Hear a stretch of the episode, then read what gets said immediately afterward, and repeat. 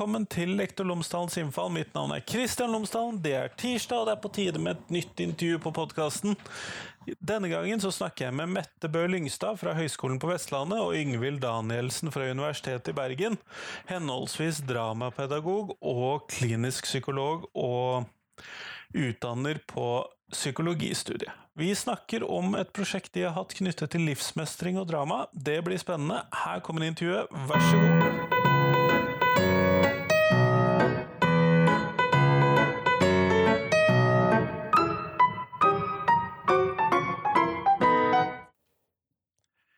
Yngvild og Mette, tusen takk for at dere har tatt dere tid til meg nå i dag. Takk for at vi fikk komme.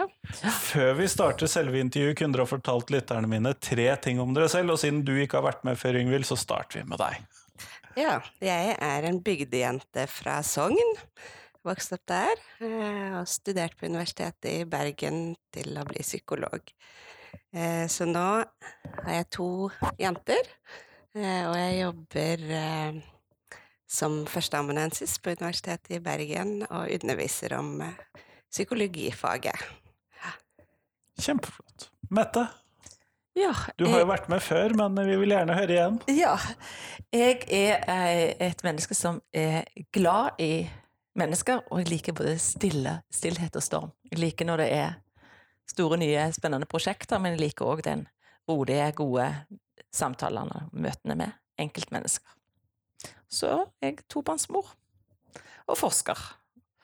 Og jeg forsker på klasseromsforskning, og så forsker jeg på ulikt arbeid med, med marginale grupper. Så jeg jobber med rusavhengige, med innvandrerkvinner og med religionsdialog. Så jeg ja. elsker jobben min. Så én klinisk psykolog og én med drama som metode. Ja. Og dere har hatt et prosjekt sammen nå. Kan dere fortelle meg om det prosjektet? Ja. Utgangspunktet var jo eh, livsmestringsfaget som var på full fart eh, inn i skolen.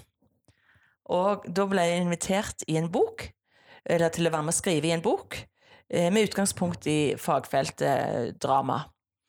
Og eh, da var jeg så glad for at jeg eh, kjente Ingvild, og at vi har hatt mange gode dialoger opp igjennom. Og at nå skulle vi endelig få prøve ut et prosjekt i lag. Fordi eh, med hennes bakgrunn med å jobbe tett på ungdommer, og, med min bakgrunn i forhold til drama og forskning på det, så fant vi ut at dette ville bli en, et spennende kombo. Hvordan ser prosjektet ut? Eh, prosjektet har vi gjennomført i en ungdomsskoleklasse her i Bergen. Eh, og det er et prosjekt der vi utforsker hvordan vi kan bruke dramametoder i å utforske livsmestringstema eh, og vanskelige situasjoner som ungdom står i, der de gjerne må ta valg eller eh, må vise mer av hvem de er. Ja, det kan jo være skikkelig skummelt. Ja. Også for oss voksne. Ja, sant.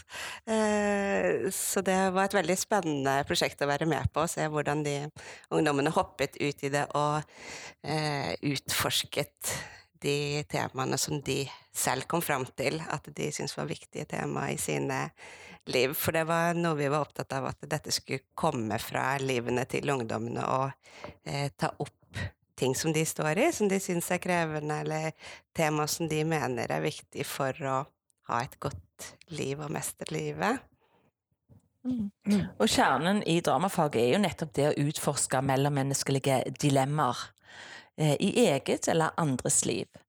Så jeg syns at det er sagt og skrevet en del om livsmestring, men hvor er ungdommenes stemmer? Og det var derfor vi ville jobbe tett på de for å finne ut hva mener dere? Hvis vi skal lage et fag som skal treffe dere, så må vi jo vite hva dere er interessert i. Og en ungdom som er interessert i noe noen år tilbake, er interessert i noe helt annet i dag.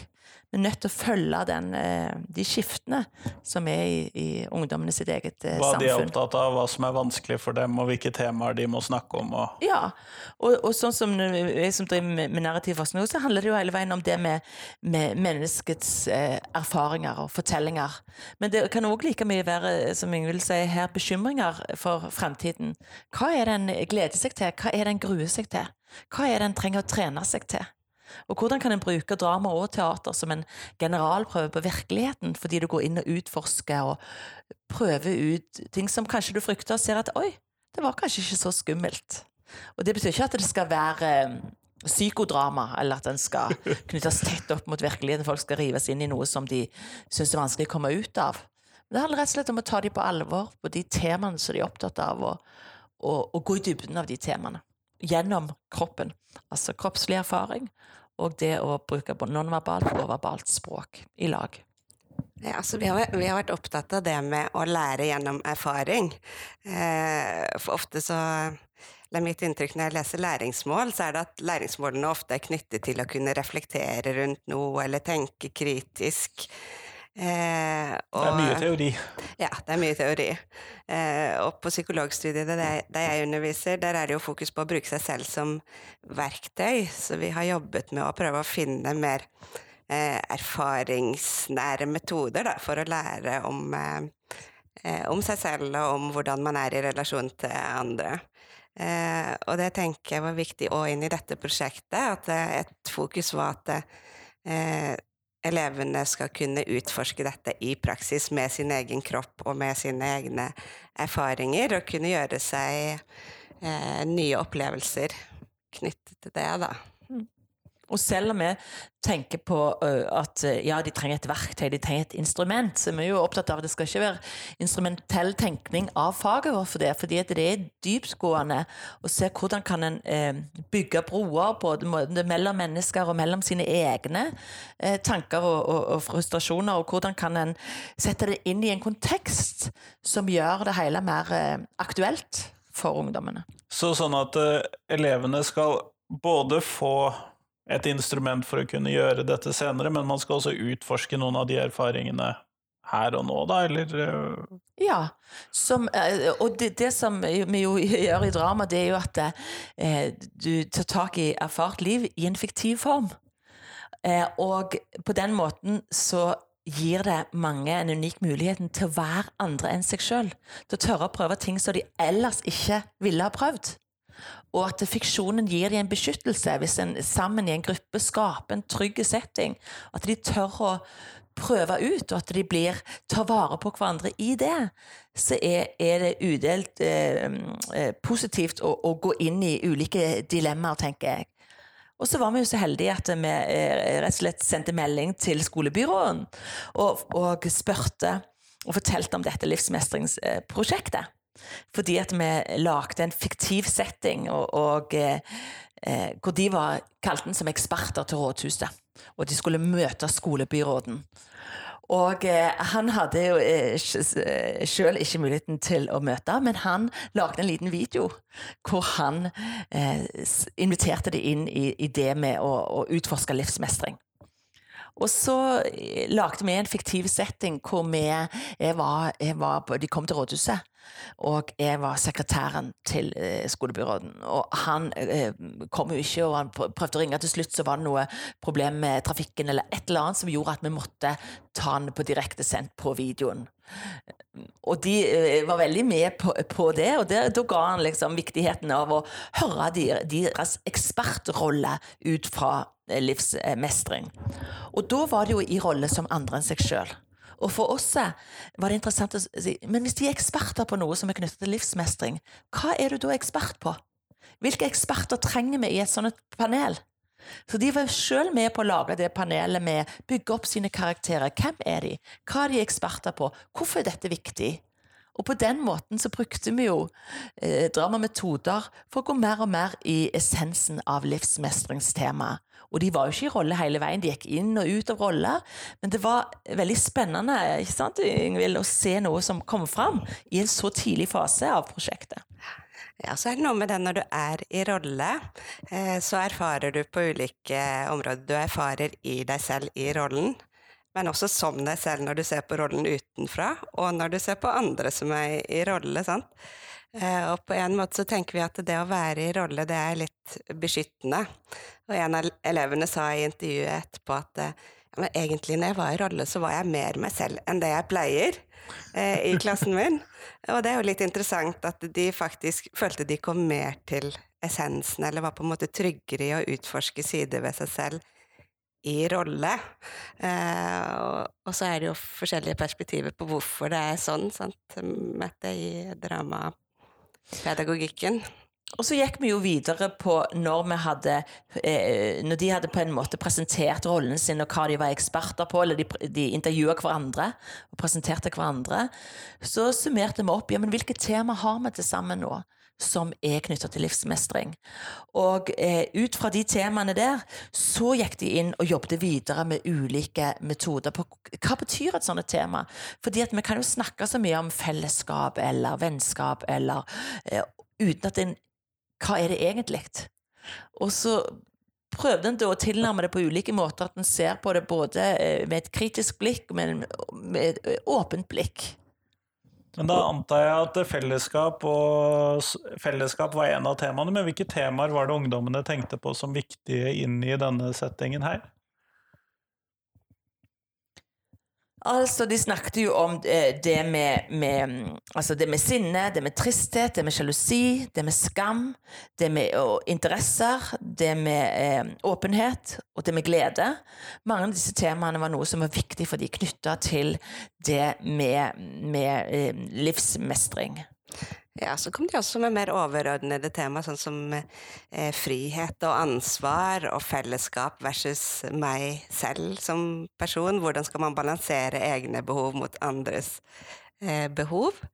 Eh, og ulike tema knyttet til psykisk helse og eh, egentlig livsstilsatferd, og var oppe i den fasen der av, av prosjektet. Eh, når de gikk videre og skulle velge ut hva de ville fokusere mest på, så gikk de mer inn på de temaene som går på relasjoner og på eh, samspill med andre ungdommer og vanskelige situasjoner som kan oppstå knyttet til det. da. Mer følelser? Eh. Mer på følelse, det følelsesnære, ja. egentlig. Ja. Mm. Men hvilken aldersgruppe var elevene? Til ungdomsskole. Ja. Mm. Og dette var jo en, Eh, Jeg regnet egentlig med det, men jeg måtte bare få det verifisert. Ja. men, men, vi mener jo absolutt at mange av metodene og måtene vi jobbet på, kan brukes eh, over hele skoletrinnet. Fordi at det, det, er, det, er, grupper du forholder deg til. Du velger, du velger, måter å jobbe på i forhold til den gruppa du møter. Og så kan en jo si her at det, vi, vi, jobbet jo i tre måneder med denne gruppa. Eh, det vil si vi var eh, to til tre timer hver gang, og vi var vel seks eller syv ganger. Så vi et par ganger hver måned. Så vi ble jo mer og mer kjent med det. Og noe av det viktigste til å begynne med var jo å skape et trygt arena både mellom, eh, mellom de mellom hverandre, og mellom de og, og oss. Og uh, vi fikk tilgang til en dramaklasse, altså en valgfagsklasse, uh, som vi, uh, vi, jobbet med. Og det betyr jo at vi hadde ungdommer fra ulike klassetrinn, sånn at de heller i utgangspunktet ikke kjente hverandre så godt, men opplevde at de gjennom denne prosessen kom nærere hverandre. Ja, så dette er jo knyttet til å lage en trygg læringsarena og et trygt læringsmiljø, tenker jeg. Eh, så noe av det elevene også trakk fram i intervjuene i etterkant, var at de følte de hadde blitt mye tryggere på hverandre og eh, på seg selv. Eh, og også at de kunne ta med det videre. Det var en som sa at ja, når vi kommer på videregående, så kommer vi til å møte helt nye folk. Og det vi har klart nå, det gjør at vi liksom bare kan hoppe rett inn i samarbeidet med nye folk da. Eh, så det viser jo at de på en måte har hatt en erfaring av at no, de kjente hverandre kanskje ikke så godt, men på å jobbe på denne måten så ble de knyttet sammen og, og hadde med seg en erfaring som de kunne bruke videre da, med å gå inn i relasjoner til nye mennesker og samarbeid. Og så var det jo interessant, eh, den ene som snakket noe knyttet opp mot fremtidig yrke. Ja. Husker du det? Eh, ja, det òg var det noen som eh, snakket om at hvis man Det gikk mer på det å tørre å være seg selv og ta plass i eget liv. At man, hvis man ikke tør det nå, og hvis man ikke tør det når man blir voksen, hvordan skal man da kunne fungere i en jobb? Sånn at det var, det var noe viktig hun hadde tatt med seg. Det å lære å forholde seg til nye mennesker og lære å tørre å bli kjent med dem osv.? Ja. Ja, å tørre å ta plass. Eh, og en del av identitetsutvikling går jo på det med eh, passivitet versus å velge å handle. Eh, og det var et tema som gikk igjen i etterkant når de reflekterte rundt det de hadde opplevd i, i spillene. Fordi vi jobbet en del med noe som heter forumteater. Og da er det sånn at de har valgt ut et tema som de vil jobbe med, og så er det noen som begynner å spille situasjonen. Og så kan de som sitter og ser på, de kan stoppe Hvis de føler at noe blir urettferdig eller eh, eh, feil, så kan de stoppe teatret, og så får de hoppe inn i rollen og prøve ut nye alternativer. Så de fikk eh, en måte både en erfaring av å sitte og se på noe som skjedde, eh, og kjenne etter hva gjør det med meg? Hva kjenner jeg når jeg ser på dette? Føles dette riktig, eller er det noe som blir feil? Eh, og så kan de hoppe inn og prøve ut noe som de har tenkt på, om hvordan det, denne situasjonen kan eh, håndteres. Ja, og, og August Dubois, som, som starta det med, med Forumteater, han eh, innførte jo et nytt begrep hvor han eh, kalte de tilskuespiller. Altså at eh, det, du, du, bryter mellom scene og sal, fordi at salen får lov til å hoppe på scenen. Og, og det er jo en måte å treffe dem mer. Altså, det er ikke bare at du skal sitte og irritere deg og eh, gå ut så har hele teatret gjort alle handlingene for deg, men at de kan provosere deg, irritere deg, og at du kan få lov til å prøve ut ulike handlingsalternativ. Men ikke jakt etter ett svar, for det finnes ikke. I møte med mange ulike ungdommer så trenger du mange ulike eh, alternativ. Og da får du de òg gjennom et sånn type spill til å ha et kritisk blikk på ja, men ville dette fungert for den karakteren? Hvis hun var veldig undertrykt, så kommer du i en bulldoser på scenen. Kunne hun plutselig ha blitt det? Eh, og så, nei, ok, men kanskje hun kunne gjort sånn, eller kunne hun gjort sånn. Så prøver du ulike alternativer, og så diskuterer du ut fra det. Så husker jeg det var jeg også som sa som tilskuer at jeg fikk en erfaring at jeg bare sitter der, og så skjer det noe, og så ser jeg at dette er ikke greit. Det som skjer, er ikke greit. Og så begynte jeg å tenke på at ja, men sånn er det jo i virkeligheten nå. Kanskje bare sitter jeg der, og så skjer det ting som ikke er greit, uten at jeg griper inn. Mm. Og at det var en sånn aha-opplevelse, da. Eh, som hun fikk som tilskuer. Og det er jo det som skjer i sånne prosjekter. ikke sant? At du, det handler på mange måter om å, å bli synlig i rommet, finne ditt, ta din plass. Og, og, det kan selvfølgelig være krevende for noen. og Derfor er det jo spesielt viktig sånn at det, eh, både at vi er flere eh, forskere som er der inne Bakgrunnen, eh, Bakgrunnen til som, som, psykolog er jo en, en kjempeballast å ta med i en sånn setting. Jeg jo som har jobba i mitt fagfelt i, i, snart 30 år.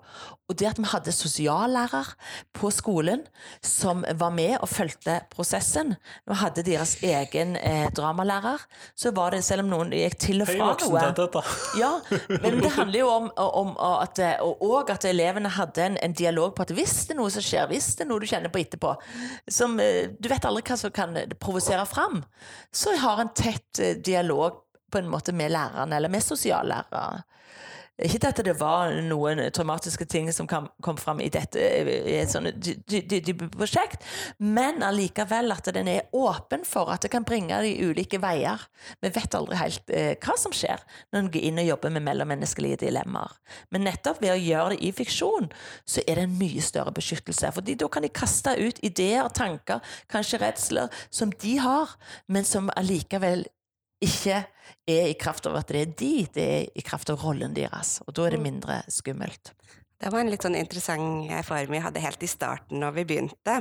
Eh, så var en av mer sånn oppvarmingsøvelse at eh, en og en skulle gå fram, og så skulle de på en måte vise en eh, følelse, eller at man er redd. Man skulle si hva man var redd for i rolle da òg, for så vidt. Men eh, ja, ungdommer, ja. da skal du først, ungdommer, først, si hva ja, jeg er redd for. Mm. Eh, og da kom det fram at Jeg er redd for edderkopper, jeg er redd for eh, ja, mer konkrete ting, da. Og så var, når instruksjonen ble byttet, det at man skulle si ja, hva er ungdommer redd for? Da kom det helt andre tema. Sant? Da var det jeg er redd for å være ensom, eller jeg er redd for å bli voldtatt eller at eh, Redd for å ikke strekke til? Redd for å ikke strekkes til. Redd for at familien min skal dø. Eh, som var på en måte mer Virket mer følelsesnært, da. Og at de klarte å leve seg mer inn i det. Og det var jo litt interessant. Og det gikk nok på at man skulle si meg først, og etterpå så skulle man si ungdommer generelt, og så ga det en beskyttelse til å kunne tørre å gå inn i mer sårbart materiale, da. Man trengte ikke å eie de dypere redslene på samme måte, da. Nei. I, I en annen setting ville det jo selvfølgelig vært veldig interessant å gjort det omvendt. Fordi at selv om vi har lagt planer for hva opplegg og metoder vi skal bruke, så var det ene der, og da jeg så at oi, men dette var jo litt grunt. Hvordan skal jeg komme mer i dybden? Og så ah, jeg, jeg gir de den rammen med ungdommer. Men vanligvis ville jeg gjerne begynt ute, og så jobbe jeg innover. Så det kunne jo være at de, de personlige eh, eh, tankene hadde kommet hvis en hadde jobba på en annen måte. Og det kan vi snu og vende på hele opplegget som vi har, og være kritiske til. Mye av kunne gjort, vært gjort annerledes, men samtidig så er vi jo veldig fornøyd både for å ha fått lov til å gjennomføre det, og at det var en skole og en rektor som var så positive til prosjektet, og lærere som slapp oss inn, og at ungdommer som var så åpne at de både delte gjennom prosjektet men òg at vi hadde lengre intervju i etterpå, hvor vi gikk enda dypere inn med den enkelte ungdom. Men her så hører jeg jo at vi har både en metode for oss å ta opp eh, livsmestringstemaene i skolen, eh, som man kan eh, benytte i større eller mindre grad, og så har man samtidig en del temaer som hva skal vi kalle det, ungdommer akkurat nå. Siden vi allerede har etablert litt at dette endrer seg over tid. Eh, mm. noen av tingene er kanskje mer bestandige enn andre. Mm. Eh, men at vi har noen temaer som dere da kommer inn og ser at dette er det ungdommene kanskje trenger å få mer informasjon om når vi har om livsmestring i skolen. Slik som jeg ser det. sånn at Vi har liksom to baller. Én måte for å angripe tematikken på, og en del tematikker å angripe. ja, helt riktig. Og prosjektet var egentlig delt inn i to deler. Eh, så det bokkapitlet som vi nå har skrevet, det var knyttet til mer metoden og læringsprosessen og hvordan den opplevdes for ungdommene, mens eh, prosjektet også omhandlet ja, hvilke tema er det ungdom syns er viktig inn mot livsmestring akkurat her og nå i vårt eh, samfunn, eh, som også er, er, interessant i forhold til livsmestringsfaget. Sant? Hva er det man trenger å ta opp? Eh, hvordan er ungdommens stemme her? Hva tenker de er viktig å ha inn i dette faget? Mm. Og dere har jo nevnt en del temaer her, sånn at det er jo interessant i seg selv å vite litt hva vi skal plukke på. Men eh, Og det er jo selvfølgelig et grunnleggende spørsmål. Hvorfor kan livsmestring være et viktig tema i det hele tatt som vi skal ta opp i skolen? Nå hører vi jo at det kan ligge en del sånne eh, frykter som elevene vanligvis ikke tar opp med lærerne, men er det noe utover det? Vi var jo opptatt av at eh, livsmestring er noe som endrer seg underveis. Altså, jeg tror ikke vi kan sette at livsmestring er akkurat det, og så skal det inn i alle, akkurat sånn inn i alle klasser. Eh, så jeg tenker at det må være på en måte eh, flytende følge gruppa noe. Men så er det nettopp det der med at eh, ungdommene bygger jo opp sin identitet i møte med andre. Og hvordan kan du både speile deg og eh, se den andre på en annen måte? Se deg sjøl på en annen måte i interaksjon med de andre. Og noen vil jo eh, få mye med seg hjemmefra knytta til det med livsmestring. Andre gjør det gjerne ikke. Noen tør å ta plass i, i, i settinger og er, er trygg på, på, det, og andre er det ikke. Sånn at vi tenker at det er viktig å møte dem på en måte hvor alle får en anledning til å lære mer om seg sjøl og hverandre. Er det noe, for du, jo, du, kommer jo da fra den kliniske siden, og eh, de studentene du trener opp, de eh, ser vel kanskje dette mer fra der hvor det gikk gærent, eller der hvor det er en del psykisk uhelse. Men eh, er det noen av disse tingene som elevene tok opp, som du tenker var veldig gjenkjennbart fra din vinkel av denne siden? Jeg, jeg, tenker jo at det er viktig å lære mer om psykisk helse. Ikke bare psykiske vansker, men også hvordan man har en sunn eh, utvikling av eh, psykisk helse og identitet, og det å forholde seg til andre eh, mennesker, eh, som er veldig viktig å ha med seg for å ha et godt liv. Eh, og vi ønsker jo at eh, elevene skal få med seg noe som gjør at de kan tenke at ja, mitt liv er ok å, å leve. Eh, og jeg tenker ikke at det bare går på, på måte prestasjoner og teknikker og hva man skal lære.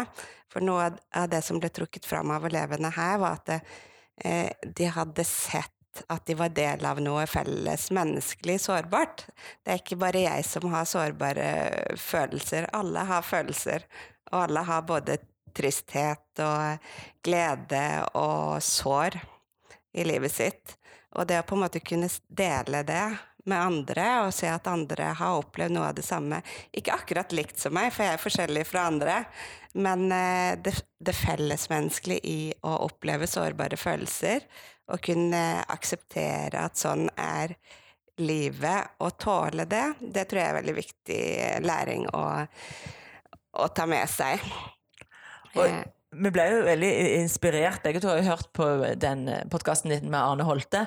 Og når han går inn og snakker noe om at, at ungdommer sin psykiske helse er noe av det landets viktigste ressurs, og ser på psykisk helse som det evne til å regulere følelser, til å tenke fornuftig, til å styre atferden vår, og til å opprette gode relasjoner så var det sånn Ja, ja, ja! Men alt dette er jo noe av det som vi, vi var opptatt av og, opplevde gjennom dette prosjektet. Så jeg skulle gjerne satt meg ned og lagt fagplan sammen med han, altså. Eh, fordi at det er noe med hvordan kan vi forebygge? Hvordan kan vi løfte det opp og gjøre det på en spennende måte istedenfor å reparere? Men samtidig gi dem en mulighet, et verktøy, til å reparere, regulere mer seg sjøl underveis i møte med andre mennesker. Og den estetiske fordoblingen som ligger i det å lære i fiksjon og ute av fiksjon og i det møtet, den er unik. Hvordan tenker du at drama kan være et særlig godt virkemiddel for det? For det første så er du i drama opptatt av å lære gjennom erfaring. Du er opptatt av en kroppslig erfaring, og du er opptatt av å utforske både egne og andre sine eh, dilemmaer, og i møte mellom ulike. Og så er det nettopp det som vi var inne på tidligere, det der med, med eh, erfart liv gjennom fiktiv form. Hvordan eh, kan en åpnes opp for muligheter ved å tørre å gå inn i fiksjon? Og Ingvild, vi må jo mest innrømme at du var jo veldig kritisk til drama før vi, vi møttes. Nei. det det syns jeg ikke vi må innrømme. Nei, jeg mener at drama er en veldig god metode for å utforske erfaring sant? og perspektivtaking. Eh, tingen er vel at jeg har syntes at dette har vært en utfordrende måte å jobbe på selv. Eh, fordi det krever at du tør å ta plass, og at du eh, skal stå foran andre og vise hvem du er. Eh, og nettopp derfor er jo det en god læring, tenker jeg. Eh, men jeg har jo en forståelse av at det kan oppleves utfordrende for noen som er en litt mer stille og rolig type, som liker å trekke seg tilbake og lese romaner. Absolutt. Og, det, og det, derfor det var nettopp så gøy å jobbe oss to i sammen. Og for oss å se men hvordan skal vi til og med Når går den over grensa? Når er det er vi, er, er, gjør vi noe som er, er, trygt og innenfor? Og det var jo veldig kjekt å lese hennes logg underveis, som, som filma og så og noterte. Husker den ene gangen som du var opptatt av at Wow, de, hvordan klarte de å komme så dypt inn i, i et begrep på en så, på en så rask og effektiv måte? Måte gjennom, gjennom estetisk form, husker du? Mm, ja. Jeg, jeg tenker jo at det var interessant å observere at ungdommene turte å hoppe ut i det og begynne å utforske. Eh, og hvordan de klarte faktisk å gjøre det ganske raskt. Eh, selv om de selv snakket om at ja, men vi kjenner ikke hverandre så godt, og eh, De var nok litt utrygge i starten, de òg, men de hoppet ut i det, og de, de eh, utforsket, og i etterkant så snakket mange om at det var en av de tingene de opplevde ga mestring. At de hadde turt å pushe seg selv akkurat passelig eh, til å kunne oppleve at de mestret noe nytt. Eh, også at det var noe de kunne ta med seg ut i livet. Jeg husker det var ei som sa i intervjuet at ok, men eh, når jeg gikk derfra, så tar jeg det med meg ut i livet og tenker at ok, dette kan jeg klare. Eh, jeg kan mestre. Sant? Så de hadde De ble nok på en måte pushet ut i noe som var litt utfordrende, men samtidig for mange så ble det rammene, sånn at de turte å utfordre, og at det ikke ble en negativ opplevelse, men noe som ga mestring. Mm. Eh, og det kan jo jeg kjenne meg igjen i selv, at dette har vært en form som er litt utfordrende for meg å hoppe inn i og jobbe med selv. Men, eh, men det endrer seg etter hvert.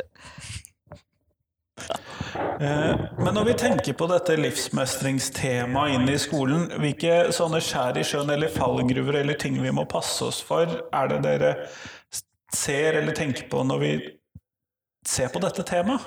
Eh, Mette, du kan kanskje dra, dra i gang den? Ja, altså min redsel er jo at det blir et fag hvor du bare jobber verbalt, og ikke nonverbalt. Fordi at det er nok snakk, nå må det handling til. Det er den ene fallgrua. Det andre er at en eh, graver for mye. At nå skal han eh, eh, virkelig skal folk fortelle, fortelle, fortelle, fortelle. Og Det skal hva bli da sånn etterpå? åpenhet sånn Ikke sant? Åp åpenhetstyranniet. Det er, den andre eh, tingen som jeg, jeg er redd for. Og det er så stort gap mellom der. Og eh, hvordan kan vi bruke ulike eh, fag, innfallsvinkler, eh, for å jobbe på en sånn måte at en gjør det et fag som er levende, som er elevenes eh, fag ut fra hva de er opptatt av, og hva de ønsker en, en, en setter fokus på. Og, og drama kan selvfølgelig være en av dem, men det kan være mange andre, andre måter. Men den genuine respekten for uh, ungdommen, og uh, det å lytte seg inn i hva er det som vi skal fordype oss i her, det kan uh, gjøre det spennende både for læreren, at han slipper å åpne samme mappa neste år, fordi det er helt andre ungdomsgrupper du jobber med der. Men òg at du har skape en trygghet i en gruppe, sånn at de eh, tillater seg å lære av hverandre. Men òg lære av seg sjøl ved å se seg sjøl utenfra. Og perspektivtaking tror jeg er kjempeviktig i et sånt fag. Ingvild, hva vil du trekke fram som ting vi bør passe oss for i Eh, nei, jeg er enig med Mette på mye av det hun sier, men jeg tenker i tillegg at det kan være en fare at det blir en tilleggsteoretisk ting der man skal prestere og bli målt og sammenlignet med andre. Må ha de riktige meningene og sånn? Ja, sant. For eksempel. Eh, og um, at eh, Jeg tenker et viktig aspekt ved livsmestring, sånn som jeg ser det, er at man kan bli litt fri fra å sammenligne seg med andre hele tiden, og på en måte tørre å være mer i seg selv i den man er. Selvfølgelig så le mennesker lever jo sammenligningsvis på mange områder, men det å kunne løsrive seg litt mer fra det, tenker jeg er et viktig aspekt i, i livsmestring. Så spørs det hva man sammenligner seg på. Sånn Som jeg var inne på litt eh, tidligere, så kan det være godt å kjenne at man er del av noe felles menneskelig, eh, der, man, der alle har lignende sårbarheter og følelser, og alle er glad, og alle kan være trist. Eh, men eh, ja. Eh, litt sånn knyttet opp med det med sosiale medier og hvordan man fremstiller seg selv, eh, så har kanskje samfunnet i dag blitt eh, preget av at man sammenligner seg med andre på eh, områder der det, det, er mer knyttet til prestasjoner eller det å fremstå som vellykket eller suksess. Det er jo stort sett alltid noen som er flinkere enn oss i noe som helst på nesten alle temaer. Ja, så en, en viktig, et viktig område innen livsmestring er jo at det er ok å være normal. Sant? Og så er det jo så er det jo òg i møte med andre eh, folk som er bedre enn deg, hvis det er så du ser det, så er det jo det du lærer av. Du blir bedre av å være med flinke folk. Så hvordan tillate seg eh, nettopp det å si at oi, den kan noe som jeg ikke kan, det kan jeg lære av, sammen med, med to sterke. Ja.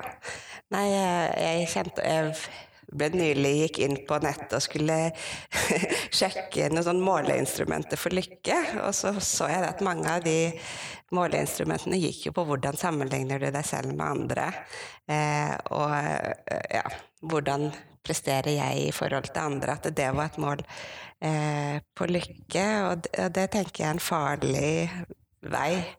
Jeg tenker at eh, lykke er knyttet mer til det å kunne være den man er, og akseptere sine egne følelser sånn som de er. eh, og med den funksjonen som de har i ditt liv, eh, mer enn det å skulle hele tiden prestere bedre og bedre. Eller det, det er noe med å på en måte kjenne på at man kan være fornøyd med der man er akkurat nå, og så kan man ha drømmer. Eh, men eh, ja, jeg tror ikke lykke er knyttet til den sammenligningen med andre. Så det er jo en viktig ting å unngå, tenker jeg, i dette faget òg. Så et faremoment kan jo egentlig her òg være da hvis en tror at en her skal finne svar med to streker under, og at det er et svar som passer for alle, så er en ute å kjøre. Fordi at eh, menneskene er så forskjellige. At vi må like, finne like mye handlingsalternativ som det er mennesker Ja, enda mer. For den ene dagen passer det, for den andre dagen passer noe helt annet. Ja, og det satte egentlig ungdommene veldig fint ord på selv òg, når vi intervjuet dem. Da sa de at ja, men vi kan ikke snakke om livsmestring generelt.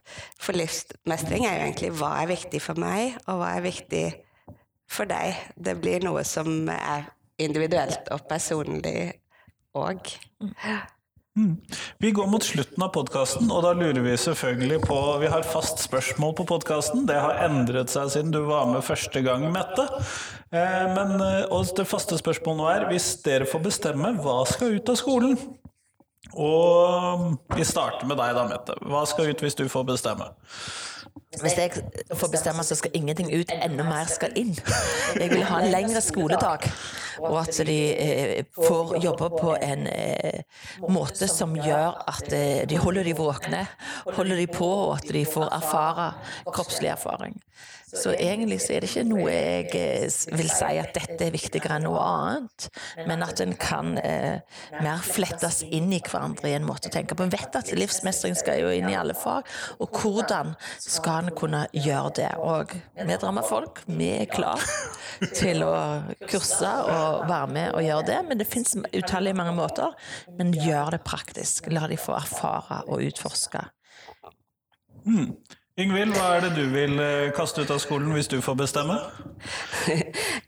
jeg føler jo at jeg ikke har så mye grunnlag for å gjøre de eh, vurderingene, siden jeg ikke har jobbet i skolen eh, selv. Men når jeg spurte ungdommene i nabolaget der hos oss som går på ungdomsskolen, eh, så det var det første de nevnte, at eh, de følte ikke de trengte å ha utdanningsvalg som fag i opp åttende og niende trinn. At det var litt, føltes litt for tidlig for de å begynne å tenke på hva de skulle eh, bli, eller hvordan de skulle velge etter eh, ungdomsskolen. Eh, og det kan jo på en måte gå litt inn i denne debatten her, at det er nødvendig å begynne å tenke på det så tidlig. Eh, på tiende trinn, da er det viktig, for da er det hvordan man skal velge videre med utdanning eh, som kommer inn allerede da, men kanskje på de eh, tidligere trinnene så er det viktigere å finne ut ja, hvem eh, er jeg, og bli kjent med seg selv i forhold til i relasjon til andre sånne ting som vi har vært inne på her, som kan være livsmestringstema. Eh, så timene kunne rett og slett blitt brukt litt bedre? Ja, kanskje det. Kanskje det var det. Jeg er ikke i noen posisjon til å kunne uttale meg om det. Det vil jo være veldig forskjellig. Og det er det jeg syns er veldig gøy med disse spørsmålene. Alt kan alltid bli bedre. Det samme med vårt forskningsprosjekt òg. Vi skal gjerne gå og forske enda mer på det med livsmestring. Fordi vi jo mye spennende, men vi har ennå mye å lære og mange veier å gå. Det gleder vi oss til. Kjempeflott. Tusen takk for at jeg fikk lov til å ha dere med på podkasten. Sjøl takk.